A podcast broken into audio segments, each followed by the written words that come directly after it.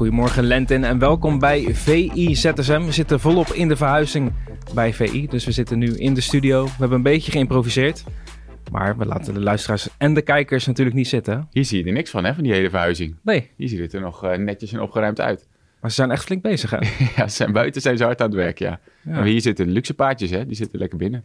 Zo is maar net jongen. Hey, gisteravond, Manchester United, laten we gewoon over een rollende bal gaan hebben. Ehm 3-0 gewonnen van Nottingham Forest. Wat voor United heb jij gezien gisteravond? Een heel sterk United. Vooral eh, het eerste half uur zagen we echt eh, nou, ten Hag voetbal van United. Wat niet altijd is eh, gelukt dit seizoen. Heeft natuurlijk ook met de tegenstander te maken. Nottingham Forest al heel het seizoen eh, best veel problemen. Tegen City en Arsenal ook echt van de mat geveegd.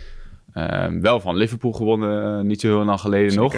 Dus het was even afwachten hè, met zo'n lage organisatie of ze daar doorheen zouden kunnen komen, United. Maar eh, het eerste half uur was het tempo zo hoog, eh, werd zo snel van kant gewisseld.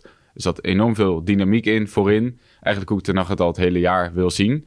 En eh, een Marcus Rashford in, in bloedvorm. En dat maakte het verschil het eerste half uur. Toen stond het ook al 2-0. En eh, ja, dan zie je toch wel een beetje eh, waar hij naartoe wil als trainer bij United. Dat is wel leuk. En wat zijn dan de reacties in Engeland? Lyrisch, ja, ik heb zelf eigenlijk nog het meest genoten van eh, Casimiro. Die was echt eh, geweldig. Sowieso in, het, in het, eh, zijn specialiteit natuurlijk het afbreken, het, het ehm, neutraliseren van het gevaar voordat het eigenlijk al ontstaat.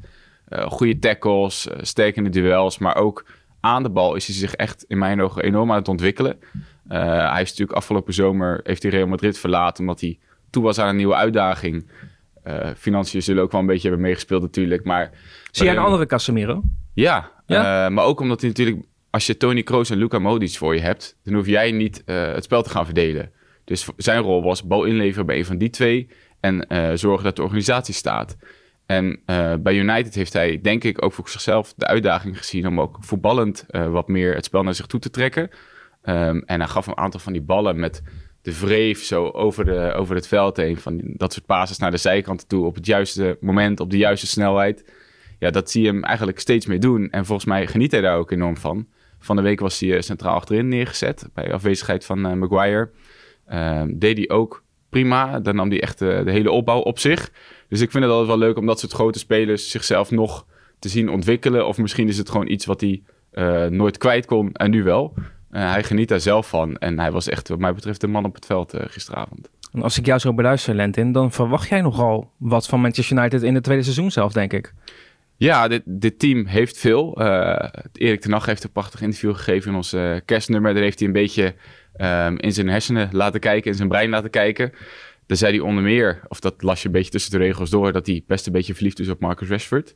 Daar ziet hij echt enorm veel potentie in, met eh, alle kwaliteiten die hij bezit natuurlijk. En die er de afgelopen jaren niet altijd even veel zijn uitgekomen. Vooral vorig jaar was echt zwaar tegenvallend. Uh, maar hij eh, ziet in hem echt een sleutelspeler, omdat hij snel is, eh, bewegelijk, eh, heel sterk in de afronding normaal gesproken. Geweldig schot, individuele actie.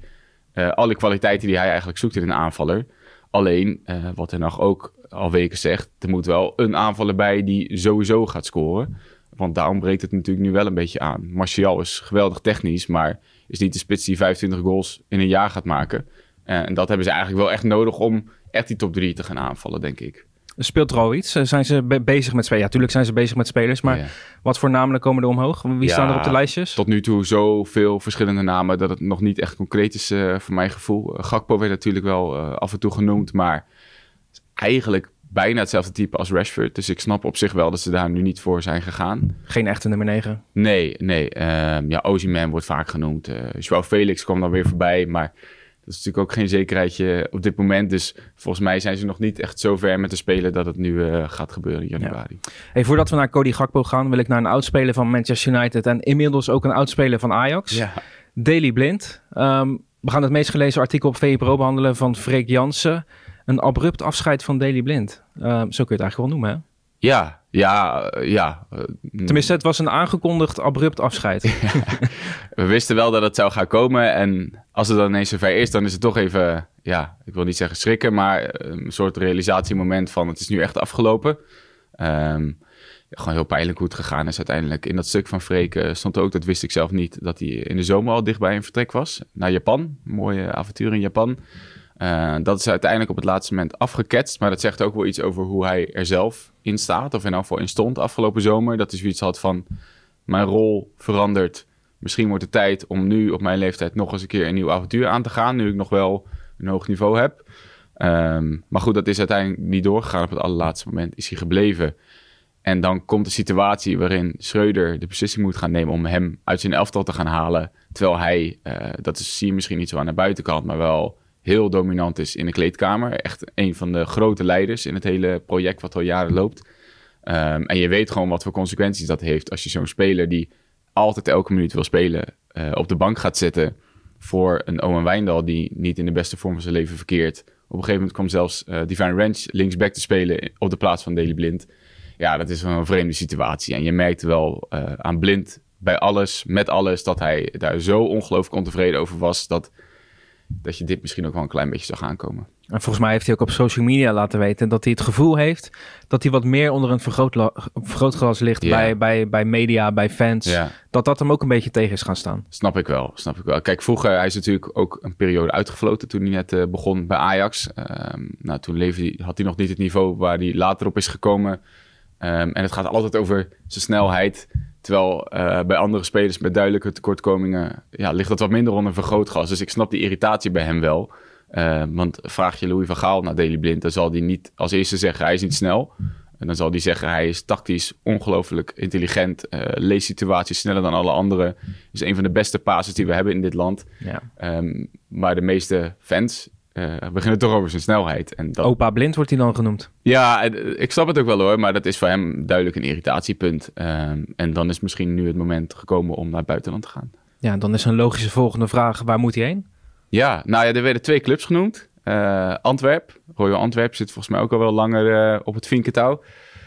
dit zou hij weer kunnen samenspelen met Alderwereld. Toby Alderwereld kent hij nog goed. Oh ja. En uh, ja, natuurlijk een heel Nederlandse enclave. Mark van Bommel, Mark Overmars is natuurlijk uh, de duidelijkste link. Uh, dat zou denk ik een goede optie zijn. Ook, je zag bijvoorbeeld al de wereld afgelopen zomer kwam. Die was nog een jaar ouder en heeft nog voor drie jaar kunnen tekenen. Onder mooie voorwaarden. Dus dan weet je ook financieel zit het goed voor elkaar. maar Real Sociedad werd ook genoemd. Ja, als ik Daily Blind was, zou ik daar naartoe gaan.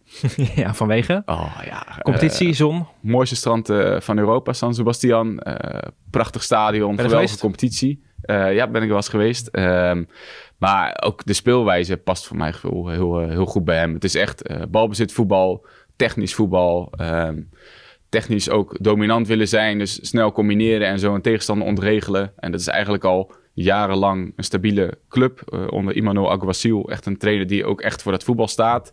En als hij vertrekt, dan komt er ook weer eenzelfde soort trainer. Dus je weet dat daar stabiliteit is. En zulke mooie voetballers. Uh, Mikel Merino, uh, Subimendi op het middenveld. David Silva op 10. Ja. ja, dat is wel een prachtige, prachtige uitdaging. Schitterende competitie, heerlijk voetbal.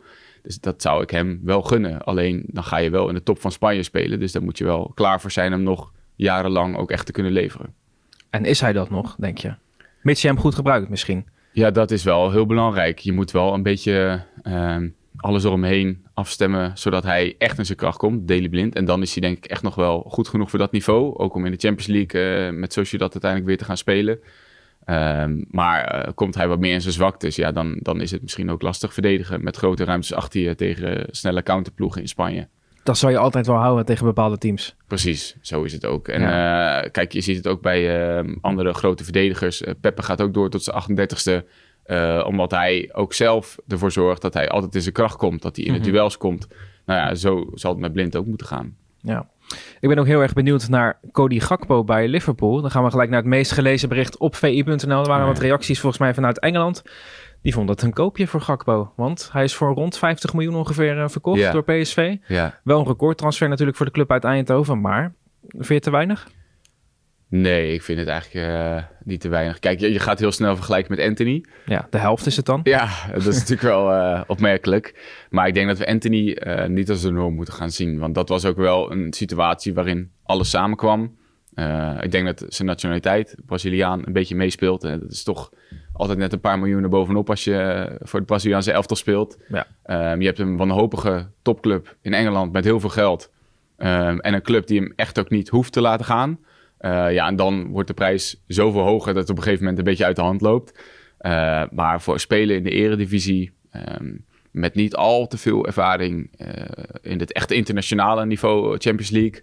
Um, hij heeft natuurlijk goed WK gespeeld, maar um, hij was niet een van de smaakmakers van het WK. Hij heeft een paar echt knappe goals gemaakt, maar ik vond hem niet eens daarbuiten echt briljant spelen. Nee. Um, hartstikke knap, jonge spelen, enorm veel potentie, maar vind ik 50 miljoen uh, een prachtige prijs. Ik denk marktconform, zoals ze dat dan uh, zeggen. Uh, maar dus... laten we het misschien vanuit het Liverpool-perspectief bekijken. Is het dan wel een koopje? Nou ja, uh, dat is even afwachten. Hè? Kijk, ik maak me best wel een beetje zorgen over uh, na de zomer. Als Luis Diaz fit is, als Jota fit is, als Darwin uh, gewend is en echt los is. Als Salah blijft, Firmino misschien weer een opleving heeft. Dan wordt het wel dringen daarvoor in. En dan moet je sterk in je schoenen staan om daartussen te blijven. Want als je ziet wat Luis Diaz zonder bal bijvoorbeeld doet, dan kan je aan de bak. en in de top van Engeland word je echt afgerekend op je rendement. En ja, dat is niet, uh, niet eenvoudig. Bij Liverpool staat de druk erop het komende half jaar. Ze moeten natuurlijk sowieso die top 4 halen. En eigenlijk met deze selectie zou je eigenlijk ook mee moeten spelen om de titel.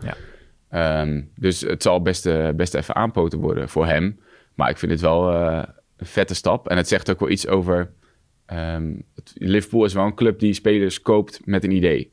Um, dat is bij United anders en bij andere clubs is dat ook anders geweest de afgelopen jaren. Maar Liverpool heeft heel weinig miskopen. Zij hebben hem uitgebreid geanalyseerd. Ze willen hem al heel lang hebben. Uh, dus hij zal gehaald zijn met een idee, met een duidelijk plan en met een opbouw richting de komende jaren. En ik hoop dat uh, dat, dat uit, goed uitpakt. Het is wel mooi, hè? weer een Nederlander bij Liverpool. Wij zijn natuurlijk uh, jaren geleden maandelijks op pad geweest voor de toekomst van Oranje. Ja. Was Cody Gakpo natuurlijk ook een van de spelers die we, mm. die we hebben bezocht, hebben geïnterviewd. Ja. Wel mooi om te zien dat hij dan nu zo'n stap maakt. Ja, vooral omdat hij toen, denk ik, uh, nou, dat weet ik wel zeker. Hij hoorde niet bij de grootste talenten van die lichting toen wij hem spraken, drie jaar geleden. Volgens mij uh, in het Hilton Hotel bij Schiphol. Toen hadden we hem voor de camera staan en ja, dan zag je hem ook weer hoe hij ook nog wel is. Heel bescheiden. Mm -hmm. Op dat moment was hij eigenlijk ook wel verlegen, kunnen we denk ik wel zeggen. Um, en had hij niet het idee van, nou, over drie jaar speel ik bij Liverpool en hebben die 50 miljoen voor mij betaald. Ja het was altijd in zijn generatie. Had je Donjan Malen, uh, Justin Kluivert. Dat waren die jongens die de aandacht opeisten. En ehm, hij kon daar rustig achteraan. Maar hij heeft zo'n zo in zichzelf geïnvesteerd en zo'n geweldige ontwikkeling doorgemaakt. Dat hij mij in ieder geval enorm verrast heeft dat hij zoveel sterker is geworden. Dat is echt super knap. Tot slot, gaat hij slagen in Liverpool, denk je? ik denk dat hij wel de kans gaat krijgen de komende maanden. Veel gaat spelen. En... Ik denk dat we hem dit seizoen nog wel gewoon even ja, niet te hard moeten beoordelen, toch? Ja, nou ja, nee, dat, dat zou verstandig zijn. Maar uh, je weet wel hoe het gaat in Engeland. Dat is Bij Anthony ook, die scoorde, die speelde een dramatische eerste wedstrijd, maar hij scoorde wel. En dus was het allemaal mooi en prachtig. En nu heeft hij een tijdje niet gescoord en dan sterft dat toch een beetje uit. Dat is waar. Uh, maar ik denk, uh, nou laat ik zo zeggen, hij gaat slagen bij Liverpool. Dankjewel, Lentin.